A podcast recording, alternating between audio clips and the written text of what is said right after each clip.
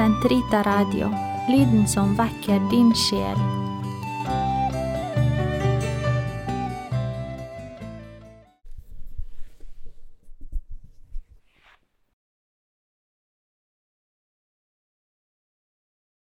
I Faderens og Sønnens og Den hellige ånds navn.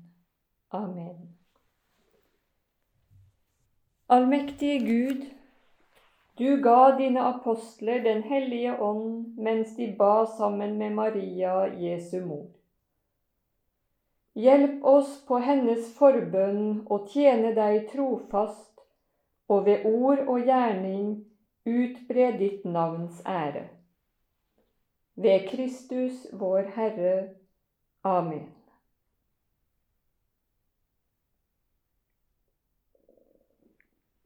Det er pinseaften. Vi befinner oss i pinsenovenen, de ni dagene mellom Kristi himmelfart og Åndens komme, hvor vi leser i apostlenes gjerninger at de elleve holdt trofast sammen i bønn, sammen med noen kvinner, deriblant Maria, Jesu mor, og brødrene hans mens de ventet på at Jesus skulle sende dem det han hadde lovet.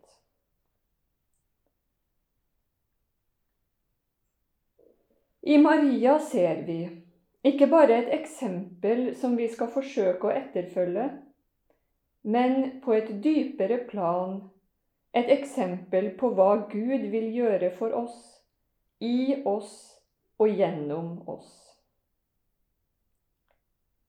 Slik er Maria ikke bare et troens forbilde, men et håpets tegn for alle kristne. La oss derfor i denne meditasjonen med Maria mot pinse reflektere over noen scener i evangeliet som viser oss samspillet mellom Maria og Den hellige ånd i utfoldelsen av Guds frelsesplan og Jesu virke.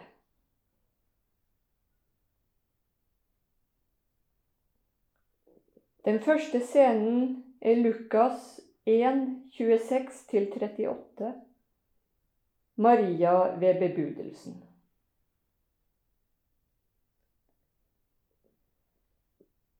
Engelens hilsen, Guds budskap til Maria, er også et ord retta til oss.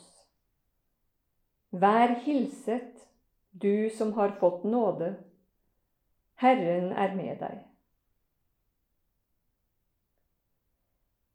Også hver enkelt av oss har vårt personlige kall. En drøm Gud har for oss, som er en del av Hans store plan for hele skapningen. Vi er ønska og elska inn i tilværelsen. Vi er kjent og sett helt fra vårt første øyeblikk av. Gud kaller oss ved navn. Han vet bedre enn vi selv hvem vi er. Men han tvinger oss aldri. Han åpner dører og viser retninga men lar det være opp til oss hvor vi vil gå, om vi vil svare.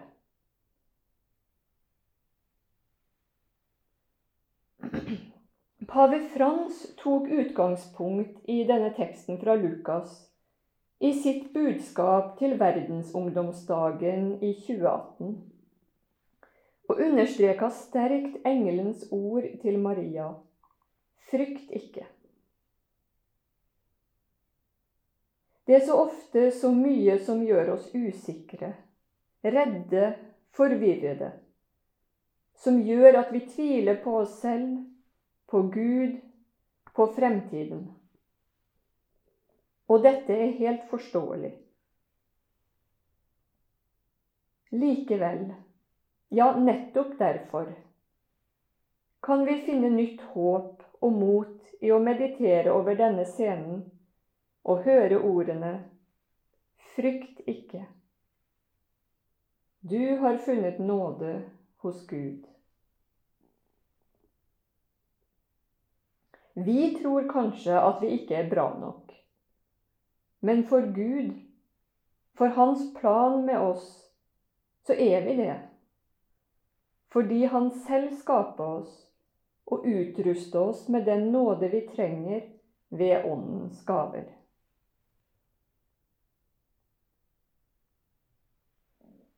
Ånden kommer over Maria, og ordet unnfanges i henne, blir kjøtt og blod i henne.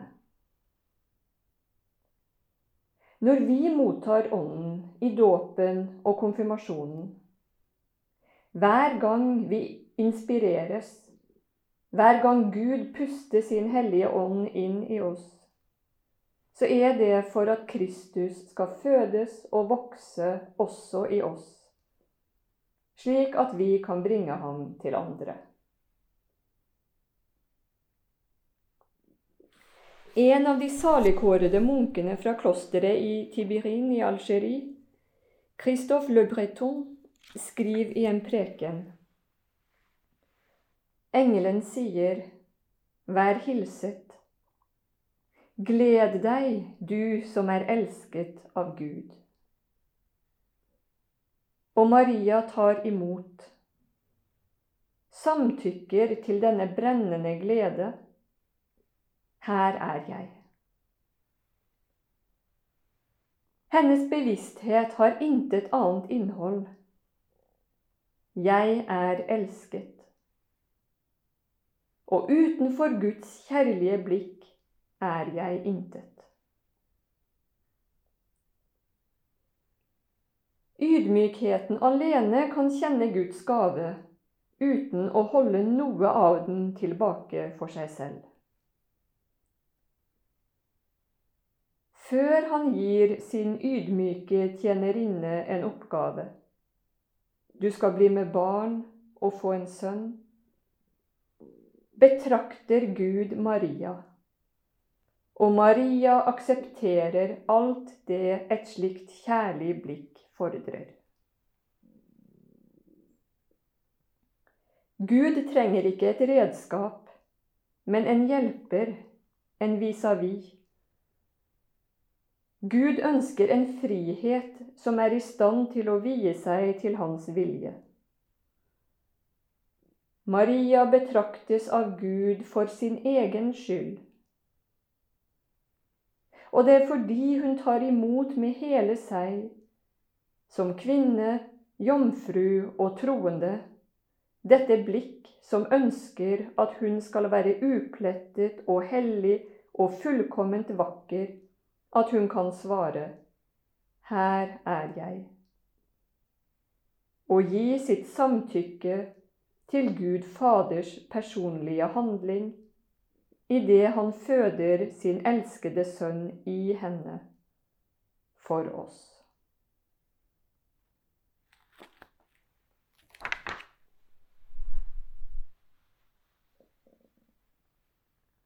Scene nummer to er Johannes 2, 1-12.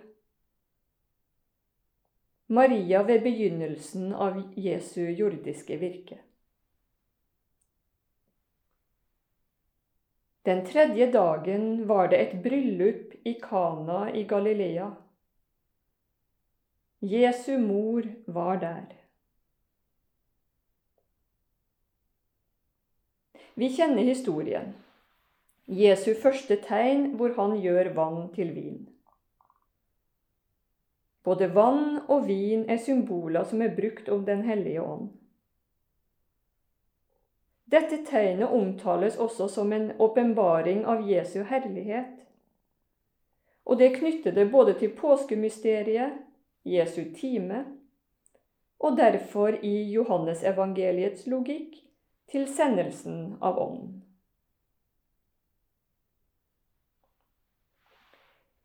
I denne teksten ser vi hvordan Maria er til stede blant andre mennesker, der hvor Jesus er. Hun er oppmerksom på det som skjer rundt henne, og legger merke til at det mangler vin. Dette er naturligvis et eksempel for oss. Å være oppmerksom på verden rundt oss og på andre menneskers behov. Et interessant poeng er likevel at Maria ikke umiddelbart selv setter i gang med å prøve å fikse problemet. Selv om løsningen egentlig burde være ganske åpenbar og enkel. Skaff mer vin fra et eller annet sted. En butikk eller en nabo eller noe sånt. Maria legger saken fram for Jesus og lar ham avgjøre hva som må gjøres. Hun kommer ikke engang med et forslag, men sier ganske enkelt de har ikke mer vin. Slik er Marias forbønn for oss. Hun stiller seg ikke i veien. Hun handler ikke på egen hånd. Hun legger ganske enkelt våre bekymringer frem for Gud. Og dette kan også være et eksempel for oss. For så ofte mener vi at vi vet hva som er best for andre. Vi vil gjerne hjelpe, vi vil gjerne bidra. Men så glemmer vi å la Jesus eller Den hellige ånd få ha et ord med i laget. Det sier ikke at vi ikke skal gjøre ting. Og ofte er vi jo nettopp selv det bønnesvar Gud vil sende. Men det må være Guds vilje vi gjør, og ikke vår. Han er den eneste som har full oversikt. Vi har ingen rett til å overkjøre andre og undergrave deres frihet, selv om vi vil det beste.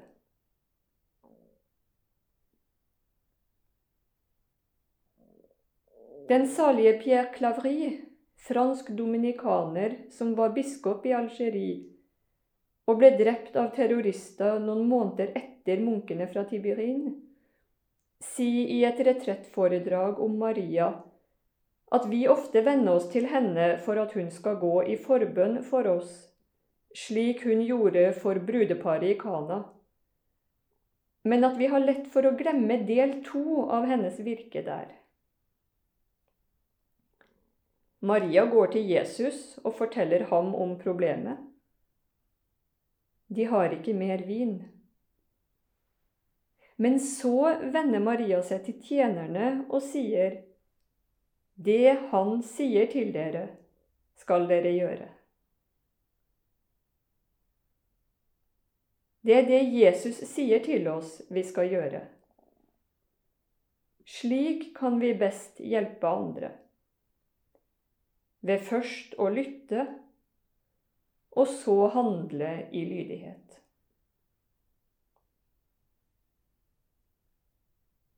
Et annet sted i evangeliet sier Jesus den som gjør min himmelske Fars vilje, er min bror, min søster og mor. Min mor og mine søsken, det er de som hører Guds ord og gjør etter det.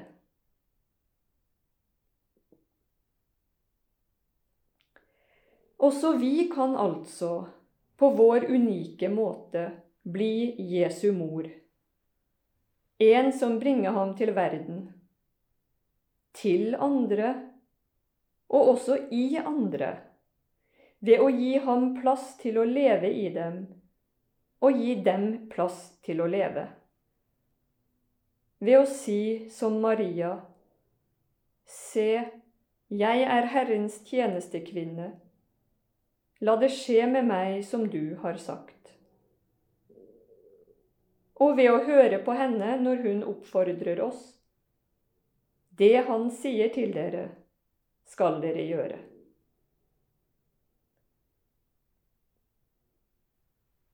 Og Den hellige ånds rolle er nettopp å minne oss om alt det Jesus har sagt. Og lede oss til hele sannheten. Og si oss det Jesus ennå har å si oss. Ånden leder oss i vårt daglige liv hvis vi er åpne og lyttende. Ånden gjør Skriftens bokstav til Guds levende ord til oss i dag. Lære oss å gjenkjenne Jesus i mennesker vi møter, og skjelne Guds vilje i alt som skjer med oss.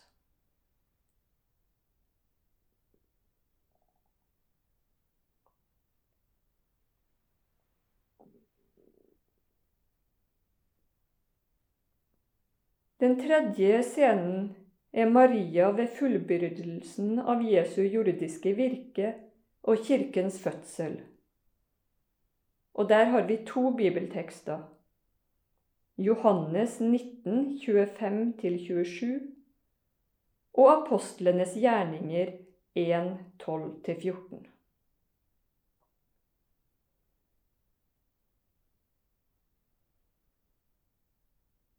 Både i Johannesevangeliet og i apostlenes gjerninger, som er skrevet av Lukas, finner vi altså Maria til stede ved fullbyrdelsen av Jesu virke og kirkens fødsel. Dog beskrevet på to litt forskjellige måter.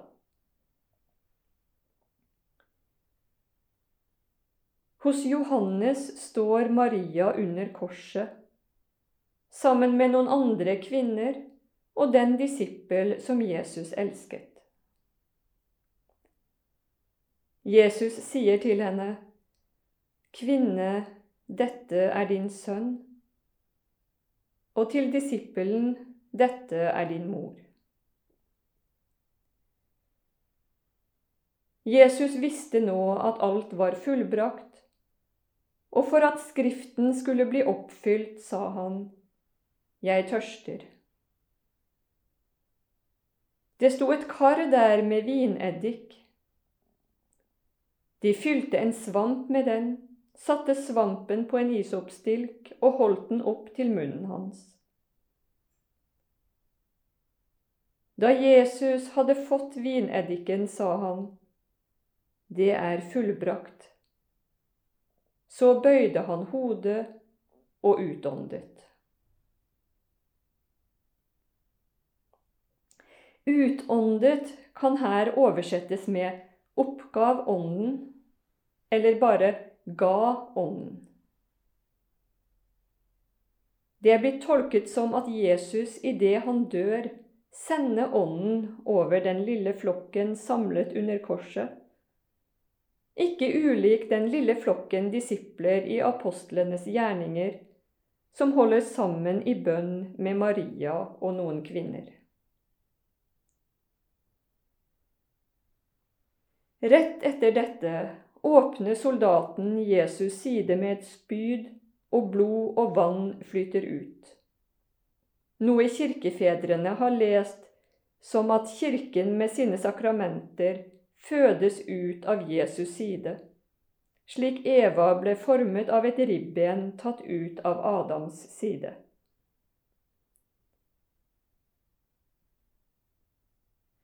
Hos Lukas i apostlenes gjerninger kommer vi tilbake til den scenen vi starta med. Maria i bønn sammen med de elleve apostlene og andre troende. Man har ofte framstilt Maria på ikoner og andre bilder midt i apostelkretsen, idet Ånden kommer som tunger av ild på hver enkelt av dem. som Ånden senka seg ned over Maria ved bebudelsen og forma Kristi legeme i hennes morsliv. Slik senker Ånden seg nå ned over Jesu disipler og former Kirken, Kristi legeme, i verden. Maria er altså til stede på en spesiell måte i det øyeblikk Gud samler oss og gjør oss til ett til et fellesskap i Kristus ved Ånden.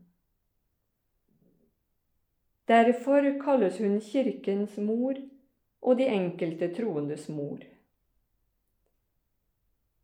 Johannes uttrykker det eksplisitt når Jesus på korset sier til den disippelen han elsker, 'Dette er din mor', og til Maria, kvinne, 'Dette er din sønn'. Denne scenen har imidlertid også en annen, videre betydning. Jesus gir oss til hverandre slik han gir Maria og Johannes til hverandre, for at vi skal være som en familie. Hvor to eller tre er samlet i mitt navn, der er jeg midt iblant dem.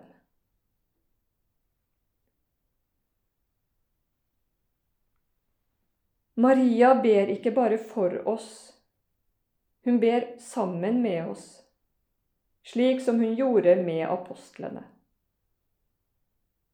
Hun er ikke bare vår mor, men også vår søster, en del av kirken, en medkristen, en venn. Slik som Gud ga henne den fylde av nåde hun trengte, helt ufortjent og fritt, for at hun kunne være den Gud skapte henne til å være slik ønsker han også å fylle oss med nåde, slik at vi kan være de mennesker han har skapt oss til å være. Strålende av Guds egen skjønnhet, til lov og pris for Hans herlighet.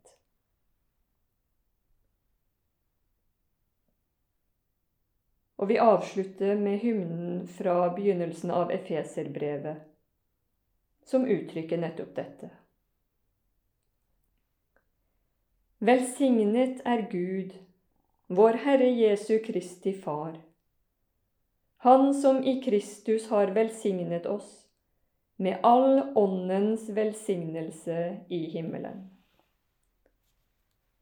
I Kristus utvalgte Han oss, før verdens grunnvoll ble lagt, til å stå for Hans ansikt hellige og uten feil.